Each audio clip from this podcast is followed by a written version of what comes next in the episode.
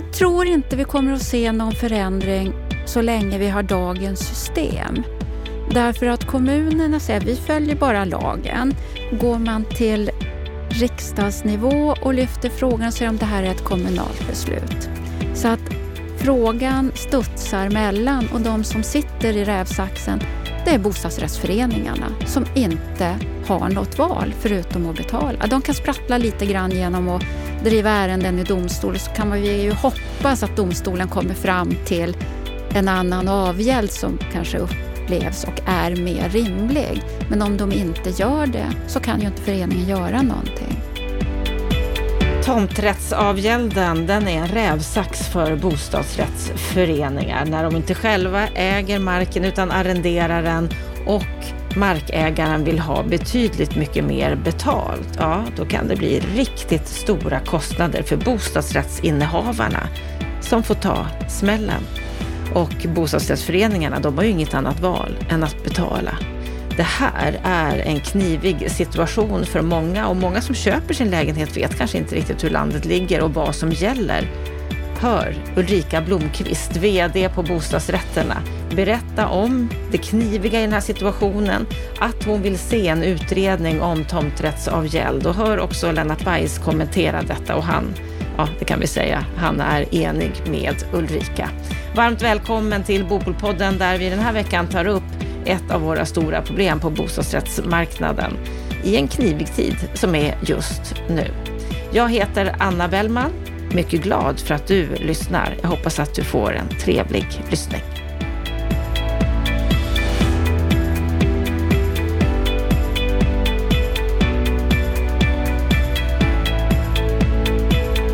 Många har det tufft med sina boendekostnader när räntorna stiger. Vi har ju tidigare pratat mycket om hyresförhandlingarna och hur det påverkar hyresgäster och hyresrätter. Men hur är läget för bostadsrättsägarna egentligen just nu? Och hur allvarligt är det för de bostadsrättsföreningar som inte själva äger sin mark utan får betala ett arrende till staden? Arrenden som på flera håll höjs dramatiskt. Vad betyder det egentligen det ska vi prata om idag. Och därför säger jag varmt välkommen till Bopolpodden Ulrika Blomqvist. Tack. Vad är din sinnesstämning idag? Ja, det är ju sol och varmt ute så att på två sätt är det ju väldigt bra. Men när det gäller tomträttsfrågan och många föreningar så har de ju det tufft. Sen ska man komma ihåg att föreningar är ju lika olika som vi andra människor är. En del föreningar har jättebra ekonomi och de påverkas inte förutom allmänna prishöjningar. Sen finns det föreningar som har det väldigt tufft. Låt säga att de är högt belånade. De har räntor som sätts om kompletterat med allmänna prisökningar och dessutom kanske som grädde på moset. De har en tomträttsavgäld som höjs drastiskt nu. De kommer att få det. De har det och de kommer att få det jättetufft. Sen ska vi lägga till att många som bor där kanske också är högt belånade vars räntor sätts om också så att de träffas ju dubbelt upp. Är det allvarligt den här situationen? De flesta bostadsrättsföreningar eh, klar, de har klarat kriser förr. De kommer att klara sig nu också. Sen eh, är det svårt att säga om exakt vad som... Det beror lite grann på hur världsläget utvecklas. Fortsätter kriget i Ukraina? Hur kommer det att se ut med inflationen? Vart tar räntorna vägen? Men jag tror att föreningarna kommer att klara sig. Det kommer att vara tufft år både för föreningar och för bostadsrättshavare. Men vi har ju också en tradition i det här landet att vi betalar våra bolån. Vi amorterar och betalar våra bolån även om det innebär att vi äter gröt eller vad det nu är man väljer att äta bara för att klara det. Mm. Vi ska prata mer specifikt om hur allvarligt läget är då för vissa bostadsrättsföreningar och hur de påverkas av det här du precis har nämnt. Men först lite mer om dig Ulrika. Du är VD för Bostadsrätterna sedan tio år tillbaka. Ja. Du har nyss firat tioårsjubileum. Ja. Hur känns det? Tiden går fort när man har roligt. Ja, och det har du haft under ja, de här tio åren. det har jag haft. Mm. Vi har en sån fantastiskt rolig, eh, härlig organisation med många medlemmar och vi växer hela tiden. Hur stora är ni? Eh, knappt 9500 föreningar. Och vad är er roll, bostadsrätterna? Dels så är vi opinionsbildare. Vi driver bostadsrättsfrågor i, i synnerhet och sen boendefrågor skulle jag säga i allmänhet. Men en stor del av vår verksamhet är också att Eh, ge rådgivning, hjälpa bostadsrättsföreningarna i deras vardag, eller framförallt styrelserna i deras vardag med rådgivning, eh, dels eh, via e-post, eller rättare sagt via vår portal, via telefon och sen så har vi en ganska omfattande utbildningsverksamhet också. Och, och, för den som inte känner dig utan och innan så kan vi ju berätta att du har ju koll på grejer, får man intrycket av. Du har varit jurist på Riksbyggen. 1989 började du där. Ja. ja. Och var där i nästan 20 år. Ja, 19 ja. år ganska precis. Ja. Och sen så var du juridikchef på Sveriges bostadsrättscentrum, SBC, mm. efter det innan du kom till mm. bostadsrätterna. Så hela ditt yrkesverksamma liv har du ju ägnat åt mer eller mindre de här frågorna. Ja. Hur tycker du att det har utvecklats under de här åren då du har varit verksam? Jag skulle säga att det har blivit, tittar man på bostadsrätts-Sverige så har det blivit mer individualistiskt. När jag började var det väldigt mycket utifrån ett föreningsperspektiv. Eh, det var mycket föreningsmänniskor som bodde i bostadsrätt. Man var med och aktiv i andra föreningar. Men sen har det blivit mer och mer ett mer individualiserat boende och hemmet har ju blivit någonting annat än vad det var då. För idag är det många föreningar som har svårt att få personer som engagerar sig i styrelser. Ibland har man li kanske lite, lite förståelse att man, man köper ju inte bara bostadsrätten, det vill säga den lägenhet där man bor. Man köper ju också ett medlemskap i en bostadsrättsförening där man delar och äger det mesta med sina grannar. Och för att en bostadsrättsförening, precis som all annan föreningsverksamhet ska fungera, så måste det ju finnas människor, eldsjälar som engagerar sig. Mm, och, och det vi, är det inte alla som gör. Alla gör inte det. Men hur bra är då bostadsrätten som form mot bakgrund av det du berättar, att vi blir mer och mer individualistiska? Jag tycker den fortfarande är fantastiskt bra. Framför allt för att man delar på det här det stora gemensamma. De här tyngre kostnaderna, gemensamma underhållet. Säg, eh, alltså, tak, väggar, marken och liknande. Det, det, gör man tillsammans. Men samtidigt har man möjlighet att påverka sin närmiljö, sitt boende, hur man vill att det ska se ut inne i lägenheten. Och sen kan man ju möjlighet också på alla stora beslut i en bostadsrättsförening tas ju på en föreningsstämma. Det är ju ingen annan, exempelvis som en kommersiell hyres, eh, fastighetsägare som tar besluten och kanske har ett annat fokus än vad bostadsrättsföreningen har. För föreningen och medlemmarna och styrelsens fokus är ju att det ska bli så bra som möjligt i just våran bostadsrättsförening. Och då kräver det ju att man kommer överens. Ja. Och att de som ändå är engagerade då i styrelse exempelvis har en viss kunskap om det. Ja. Men det är inte alltid kanske de har kunskap, eller? Alla har kanske inte det när man tar på sig styrelseuppdraget. Men man lär sig under tiden och framförallt om man växlar så att man har några veteraner i styrelsen och så kommer det in lite nyare människor. Sen finns det ju mycket kunskap att ta till sig varav vi är en. Hos oss så ingår ju alla utbildningar och, och all information vi har i medlemskapet. Och sen är ju människor duktiga att ta till sig information och, och hantera. Så att generellt sett skulle jag säga att styrelserna i bostadsrättsföreningarna är jätteduktiga och jätteengagerade i, i sitt förtroendeuppdrag. Och som du säger, de har er till hjälp, de har oftast en förvaltare till mm. hjälp och så vidare. Och ni har drygt 9000 bostadsrättsföreningar som är medlemmar hos er. Ja. Hur stor marknadsandel är det? Ja, det finns ungefär 28 000 medlems, eh, inte medlems, bostadsrättsföreningar. Så att... Eh, den snabb ja, lite drygt en tredjedel. Ja, drygt en mm. tredjedel mm. Det är ganska mycket det. Ja. Bor du själv i bostadsrätt? Inte för närvarande, men jag har gjort. Mm, snabbt svar på den. Ja. Du har fått den förr gissar jag. Ja. Du Ulrika, vad skulle du säga, vad är alltså, liksom just det här med, med läget för bostadsrättsföreningarna allmänt just nu? Du beskrev ju lite här inledningsvis att det kan vara tufft för många. Just nu så pratas det om höga avgiftshöjningar som, som är en följd av ränteökningarna mm. som vi har sett den här sista tiden. Hur, hur allvarligt är det läget när det gäller fördyrade boendekostnader för de som har en bostadsrätt? Det beror ju lite på återigen. För de föreningar som sagt var är högt belånade, lånen sätts om, allmänna kostnadsökningar, för dem kan det bli tufft.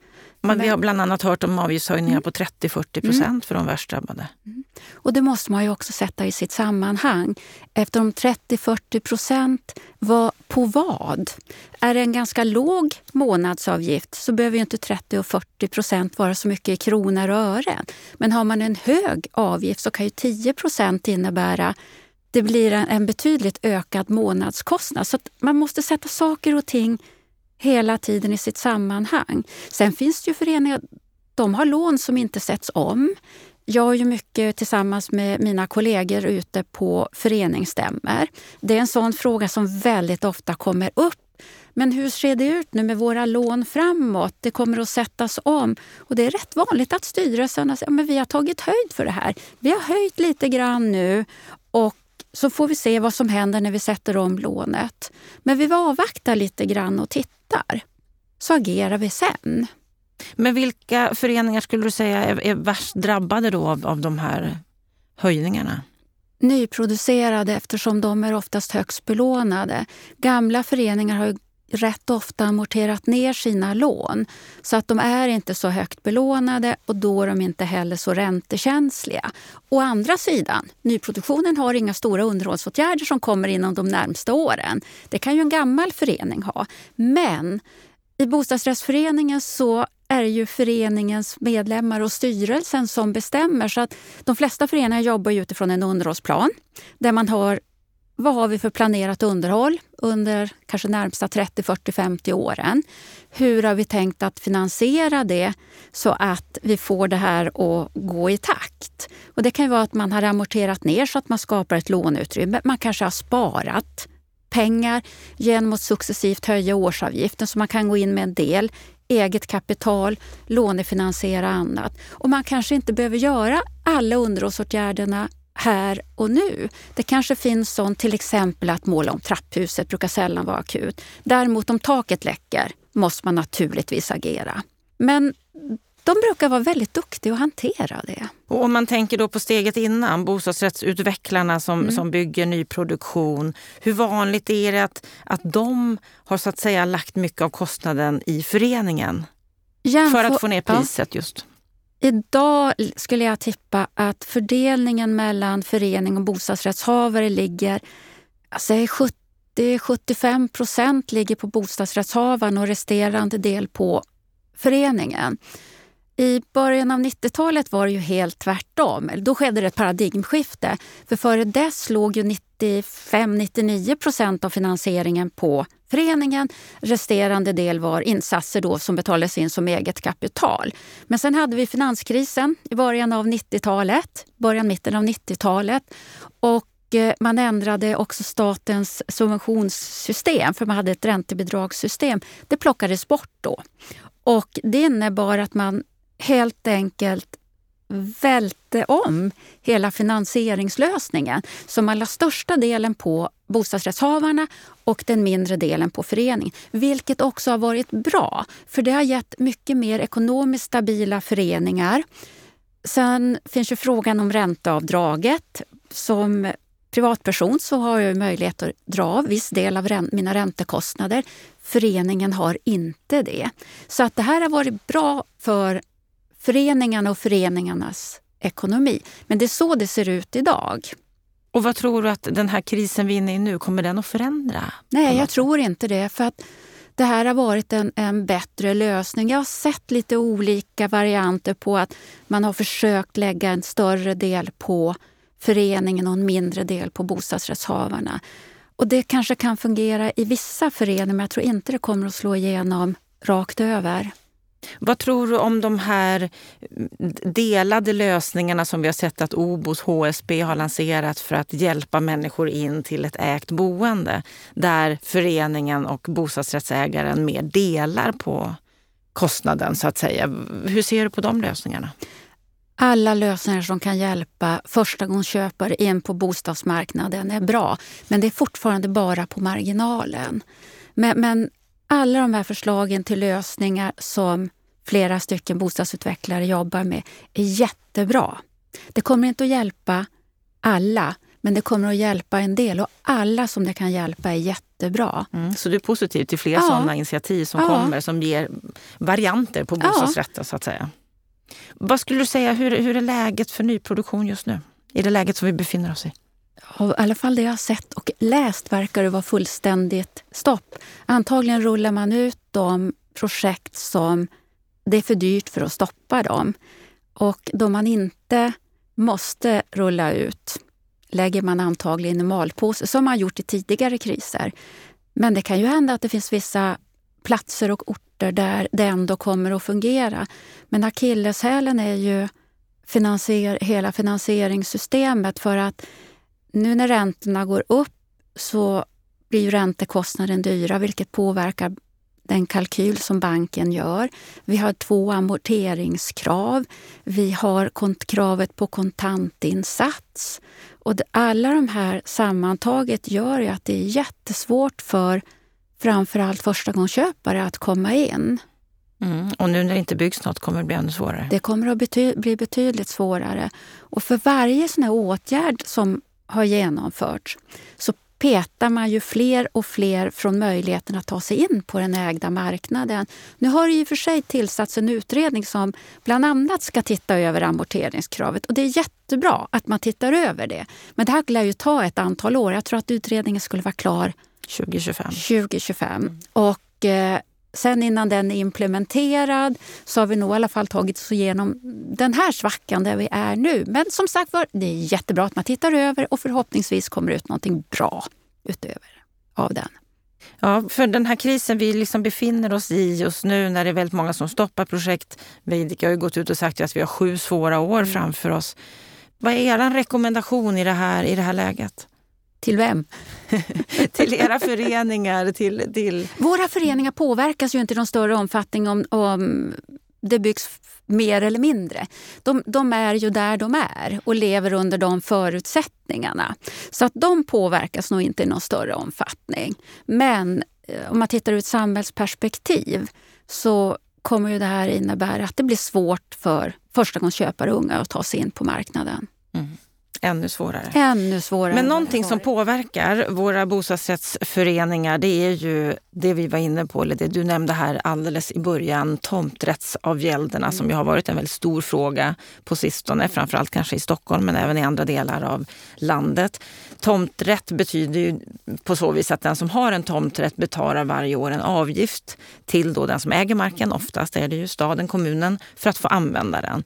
Det är det som kallas tomträttsavgäld. Vad skulle du säga om vi ska, bara för den som inte är insatt i det här mm. systemet, hur, hur fungerar tomträttsavgäldssystemet? Ja, det innebär ju att till exempel en förening hyr marken av, i de absolut flesta fall, sin kommun. Och för det så betalar man en ränta, en avgift. Och det är det som kallas för tomträttsavgäld. Den här sätts om var tionde år och eh, i alla fall under de åren jag har varit i branschen så har det ökat rejält varenda gång tomträttsavgälden sätts om.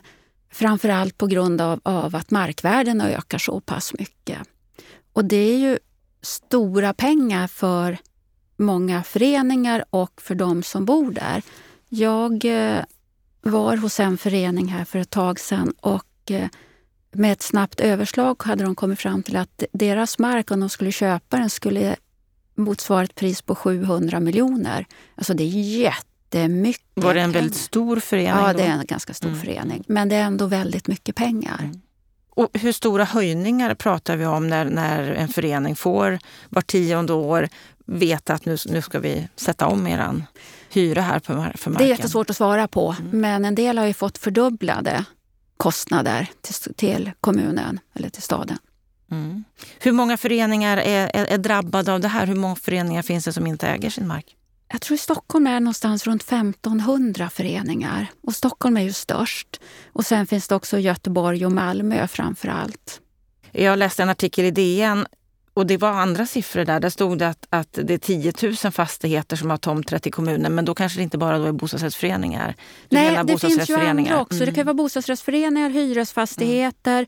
Mm. Eh, villaägare och sen kan det vara kommersiella fastigheter också. Just det, så det är många som omfattas ja. av ja, just det, det här systemet.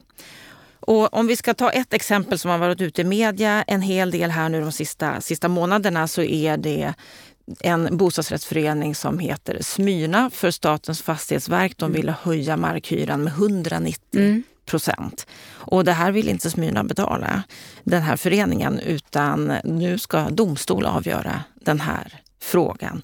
Och då säger styr, en av styrelseledamöterna, som också är kassör, säger så här till, till tidningen DN att om myndigheten får sin vilja igenom så kommer föreningen att gå i konkurs. Mm. Vad säger du om det här fallet? Statens fastighetsverk går ju på marknadsvärdet. Nu såg jag ett utslag, när det överklagat, var en, eh, avgäldsräntan var 2% men det blir jättebelopp för den här föreningen att betala. Och Statens fastighetsverk säger ja, men vi, vi har inga andra instruktioner än att köra det på det här sättet.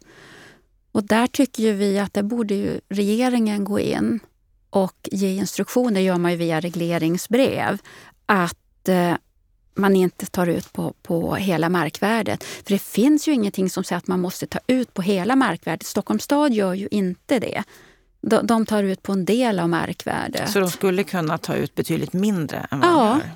Det, kan det vi kan säga är att det här är ett, ett sjuvåningshus från slutet på 1990-talet. De ligger på en kulle ovanför Värtahamnen i Stockholm. Så det är hyfsat centralt mm. ändå i, i Stockholm. Och under perioden 2011 till 2021 så betalade föreningen 1,9 miljoner kronor per år mm. i tomträttsavgäld och i hyra. Och nu så vill de alltså att hyran ska höjas till 5,5 miljoner, en höjning med 190 procent. Mm. Det är jättemycket pengar.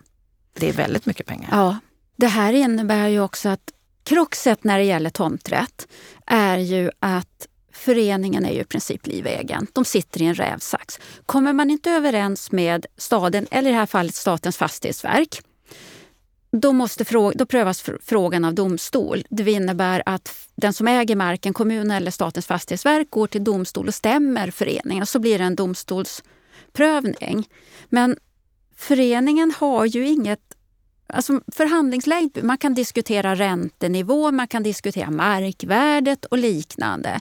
Men föreningen kan ju aldrig säga att okej, okay, ja, vi tycker att den här avgäldsräntan är helt galen. Det är horribelt, vi kan inte vara kvar här.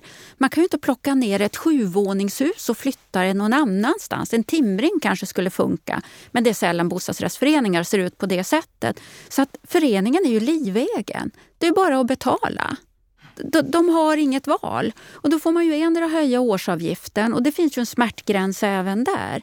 Det andra är ju att, att eh, se om man kan göra alltså, insatsökningar eller kapitaltillskott som man kallar så att kan, föreningen kan få in pengar för att minska ner lånen och på så sätt få ner sina räntekostnader och kanske hamna i, i en situation där det blir lite mer drägligt. Men det man ska komma ihåg också är ju att Får man sådana här höjningar så kommer ju allt annat nästan i föreningen att sättas på vänt. Det är klart man måste göra de akuta underhållsåtgärderna. Men miljösatsningarna är ju en sån sak som föreningen inte kommer att kunna göra. Och det är ju något som är jätteviktigt. Dels för samhället ur en miljöaspekt, men också att vi minskar vårt energiberoende. Så att allt sånt kommer ju att sättas åt sidan för föreningen kommer inte ha möjlighet att göra det. Du har sagt i en, en artikel att föreningen är ingen snigel som kan ta med sig Nej. huset och gå. De är rättslösa. Ja. Vad menar du med att de är rättslösa? Men de har ju inget val. Alltså, går de inte, skriver de inte på avtalet med kommunen, då stämmer kommunen föreningen inför domstol och så fastställer domstolen vilken tomträttsavgäld som ska utgå. Men det spelar ingen roll, de, de, även om de inte är nöjda, de kan inte säga men då, då, bryter, då säger vi upp avtalet. De kan ju inte göra för de kan ju inte flytta huset. Det står ju fortfarande kvar. De är fast, de är fast. i en rävsax. Ja. Är det så illa, tror du, att det kan faktiskt bli så att den här föreningen vi pratar om nu, då, Smyrna, att de faktiskt kan gå omkull? Jag vet inte hur deras ekonomi ser ut, men, men det är ju den yttersta konsekvensen om föreningen inte kan betala sina kostnader i en takt de förfaller till betalning. Det finns inte möjlighet att gå in med ytterligare kapital för att lösa lån. Det går inte att höja årsavgiften mer. Då blir ju konsekvensen att föreningen går i konkurs. Det är ytterst sällsynt att en förening går i konkurs. Det är väldigt, väldigt ovanligt. Men vad händer om en förening går i konkurs? Mm. Då tillsätts en konkursförvaltare. Och Eh, hans eller hennes uppgift är att realisera de tillgångar som finns, betala de skulder som finns och stänga ner föreningen så att säga. Och det innebär ju för bostadsrättshavaren att fastigheten säljs, för det är oftast den som är det enda riktigt stora värdet som finns. För de äger ju inte marken. Och I alla fall om det är tomträtt, annars är marken också. Och eh, i samma ögonblick som fastigheten eller huset där det finns bostadsrätter säljs så omvandlas de till hyresrätter. Så man får ju bo kvar, man har ju ett besittningsskydd. Men, men man tappar ju de pengar man har gått in med när man har köpt bostadsrätten. Det som finns kvar är ju en oprioriterad fordran på insatsen som ursprungligen betalades in till föreningen i konkursboet. Och den brukar man ju inte få igen eftersom det finns ju en anledning till att föreningen har gått i konkurs. Så för de bostadsrättsinnehavare så är det en rejält stor risk? Ja. Hur många föreningar uppskattar du har en sån här besvärlig situation just nu med väldigt höjda tomträttsavgälder? Det tror jag inte riktigt jag tar svara på. För jag, jag vet Men det är ett antal? Det är ett är antal som nu. har tomträttsavgäld. Sen beror det ju på hur deras ekonomiska situation ser ut i övrigt också. Men föreningarna har ju alltid varit väldigt duktiga på att vara motståndskraftiga och ändå lösa det här på något sätt. En sak som jag då skulle vilja prata med dig om det är ju det att eh, i Stockholms stad bland annat så har man erbjudit föreningar att köpa loss mm. marken men det är väldigt få som har mm. gjort det, bara någon enstaka. Mm. Varför då? Det är för dyrt.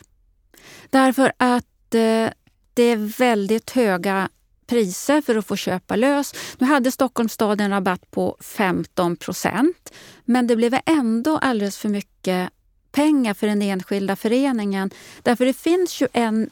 Föreningen får inte låna hur mycket som helst av banken. Har de andra lån så kan det ju vara svårt att få låna ytterligare. Man kanske kan få låna en del. Men om de bara får låna en del så måste de hitta finansiering på resten. Och Det innebär ju i så fall att bostadsrättshavaren måste gå in med en insatsökning, ett kapital till föreningen. Och idag är ju många bostadsrättshavare de är ganska högt belånade. De har inte möjlighet att låna mer. Sen kan det ju även vara bostadsrättshavare som har bott där länge.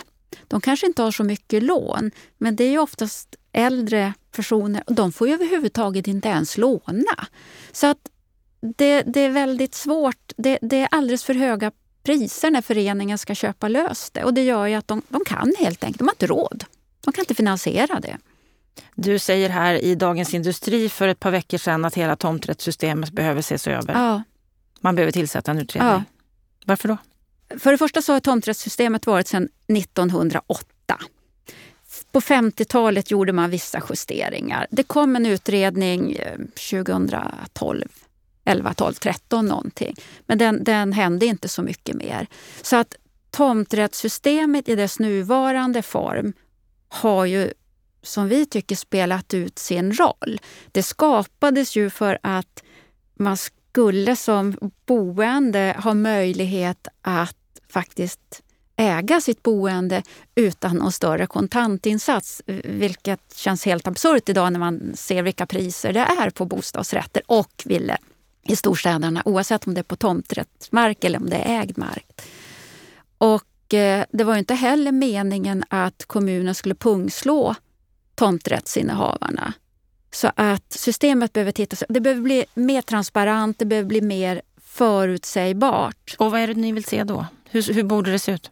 Det måste ju vara mer tydligt. Alltså det, det, är ganska komplicerat idag när man ska räkna ut tomträttsavgälden. Och sen så man kan justera räntan, men i det här fallet då Stockholms stad, då ökar de bara underlaget. Så att det uppfattas ju som orättvist och oförutsägbart. Och bor du i en förening eller sitter i styrelsen i en förening med tomträtt, du vet ju inte vad du kommer att ha för någonting om tio år. Det kan ju smälla till med en ökning på vad var det, 190 procent eller någonting sånt och man kan inte göra så mycket åt det. Förstår bostadsrättsinnehavare som då köper en ny bostadsrätt att det, att det är en förening med tomträttsavgäld och att det kan bli så här knivig situation? Jag tror att det är blandat. Generellt sett så ser vi och hör att det finns de väldigt väl eh, förberedda och de som läser igenom allting som har jättemycket frågor. Men oftast blir man ju förälskad i den här bostaden. Det är här man vill bo. Det är jättefint. Jag tycker om lägenheten, jag tycker om läget. Det är nära till tunnelbana, eller skola, eller buss eller vårdcentral eller vad det nu man prioriterar för någonting. Och sen kanske man inte tittar lika mycket på de här föreningsrättsliga bitarna för man köper ju ändå in sig i en förening. Och det är viktigt att titta på bland annat om föreningen äger marken eller om den har den med tomträtt. Men är mäklarna tillräckligt tydliga? Jag tror att det är blandat där också. När det gäller det här med, med att köpa loss sin mark, som du mm. sa att det är alldeles för dyrt. Där har du ju menat att villaägarna kan köpa marken till 50 procent av priset. Ja. Men det får inte bostadsrättsföreningarna. Borde bostadsrättsföreningarna få köpa till Absolut. 50 procent? Anders Österberg som är ordförande i exploateringsnämnden i Stockholms stad. Han menar att kommunen redan subventionerar marken rejält. Det sägs i den här artikeln från Dagens Industri som jag citerade dig på tidigare. Han säger så här att nivåerna är redan låga i förhållande till vad lagstiftningen möjliggör att ta ut i avgäld. I Stockholm subventionerar vi endast från 30 procent av markens värde. Att sänka avgiften ytterligare skulle kunna bryta mot kommunallagen och EU-rätten. Ja, fast därom tvistar är lärde. Det är inte alls säkert att det gör det. Och det finns inte exakt prövat vart gränsen går någonstans. Men det kan ju inte heller vara meningen att man ska driva ut bostadsrättshavarna från hus och hem. Och med tanke på det så borde det vara billigare att köpa en bostadsrätt i, mm. i en förening mm. som har... Är, är det det?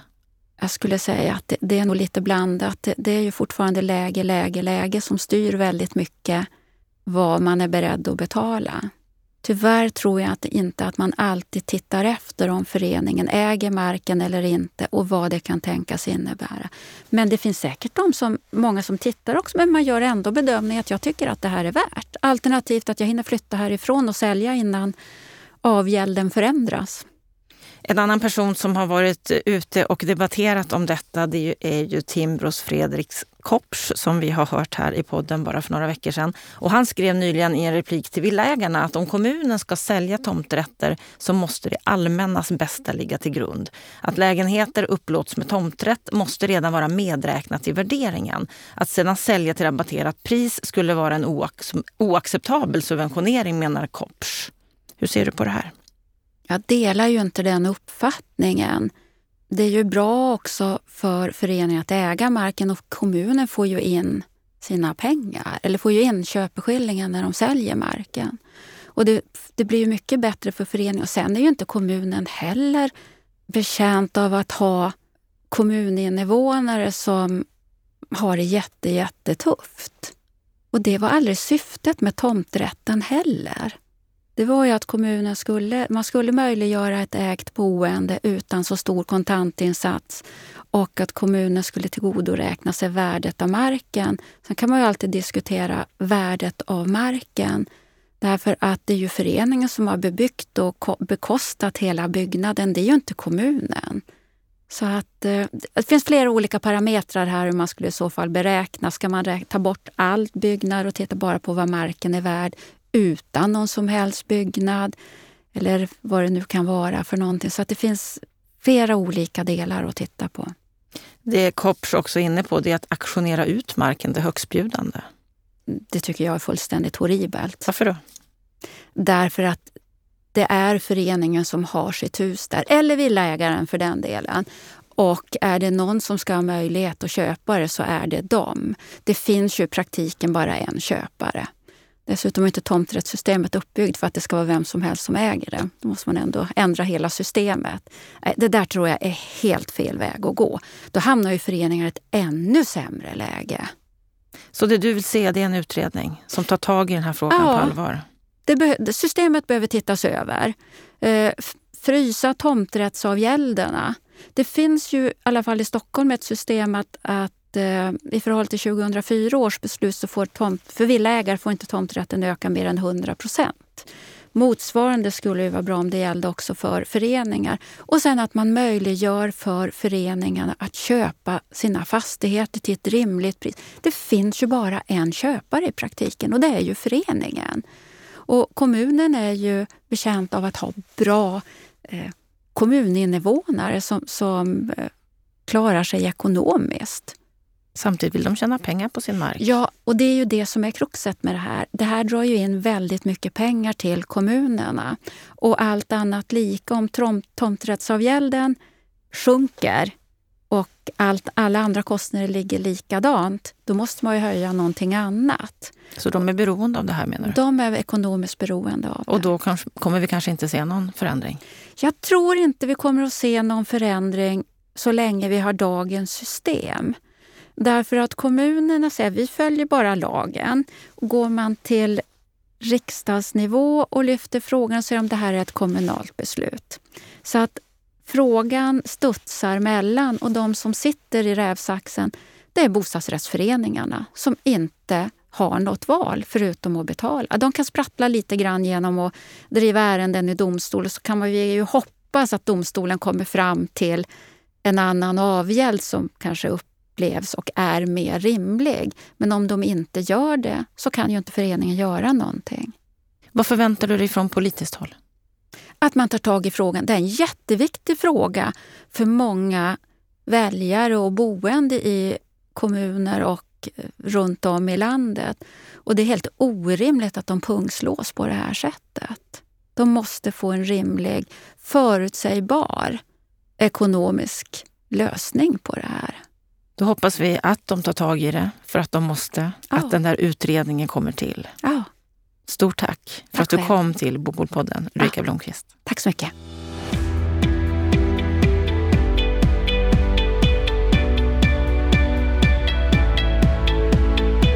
Ja, då har vi hört samtalet med Ulrika Blomqvist. Vad säger du Lennart Weiss när du hör det här samtalet?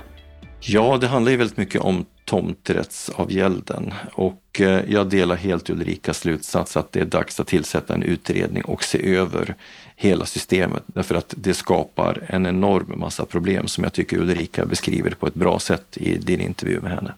Mm, hon säger ju att tomträtten, tomträttsavgälden, det är en rävsax för bostadsrättsföreningar, att de är rättslösa, att de har inget att komma med.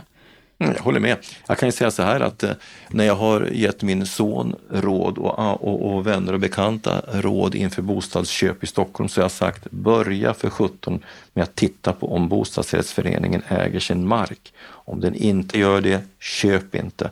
Därför att det skapar alldeles för stor osäkerhet för den enskildes ekonomi att köpa en bostadsrätt i en fastighet som inte äger marken. Och eh, Ulrika beskriver ju problemen och de just det, det dilemma, eller ja, hon använder ordet rävsax, som kan uppstå och eh, effekterna är ju helt orimliga. Man kan inte ha ett system där man ständigt så att säga uppvärdera marken till aktuellt marknadspris. Det skapar en enorm osäkerhet och det gör ju de facto att bostadsrättsföreningar som sitter på mark som disponeras med tomträtt får ju en ständig uppräkning utav marknadspriset som bostadsrättsföreningar som byggdes i annan tid och, och, och, på friköpt mark inte får. Så att det skapar en snedvridning utav hela marknadsvärderingen utav bostadsrätter som är orimlig. Men tror du att de som köper en bostadsrätt, nu tror inte jag att alla har någon som du som berättar detta och är så insatt i det, är det inte många som inte förstår vad de köper för lägenhet i för förening som inte är en så kallad äkta förening? Mm, det är jag helt övertygad om.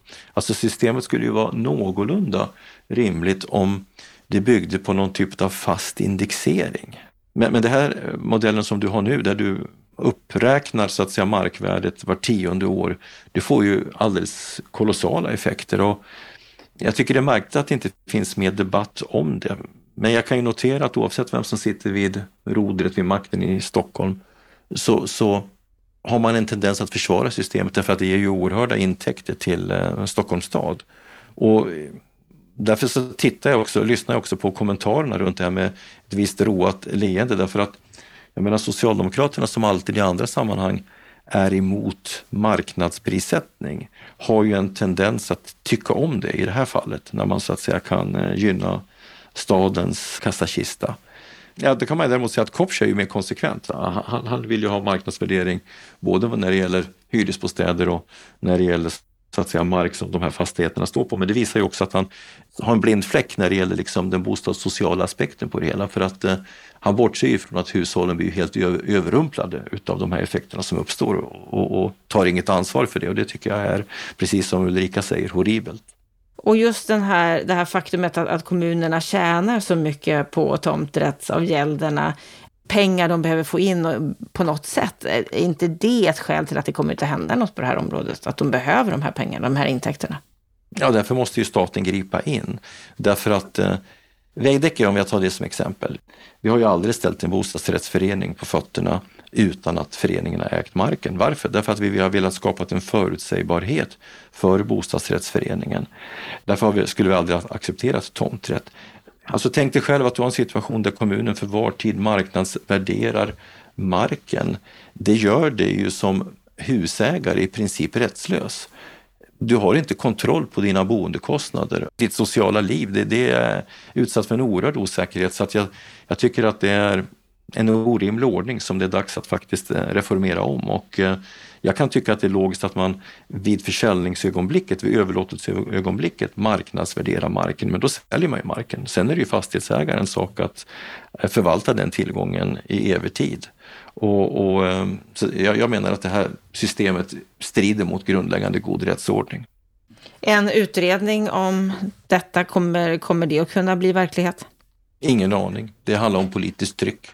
Och det är väl förmodligen så att det är för få personer som drabbas för att det här ska vara så att säga en, en prioriterad bostadspolitisk fråga. Men det är ett exempel på en fråga där jag tycker staten borde ta kommunerna i örat och, och en gång för alla skapa en ordning som är rimlig från en allmän så att säga, rättslig utgångspunkt eh, som är i linje med, med det allmänna rättsmedvetandet och det är inte dagens eh, ordning. Det, det är bara att konstatera att det är på det sättet. Mm. Vi får se om Ulrikas uttalanden och andra som debatterar i frågan, om det ger någon effekt på politiken. Stort tack Lennart för din kommentar. Stort tack till dig som lyssnar på Bopolpodden. På fredag, då är vi tillbaka igen med veckans Aktuellt, där vi resonerar kring det senaste som har sagts och skrivits i media under veckan. Jag hoppas att vi hörs då och jag hoppas att du får en riktigt trevlig vecka.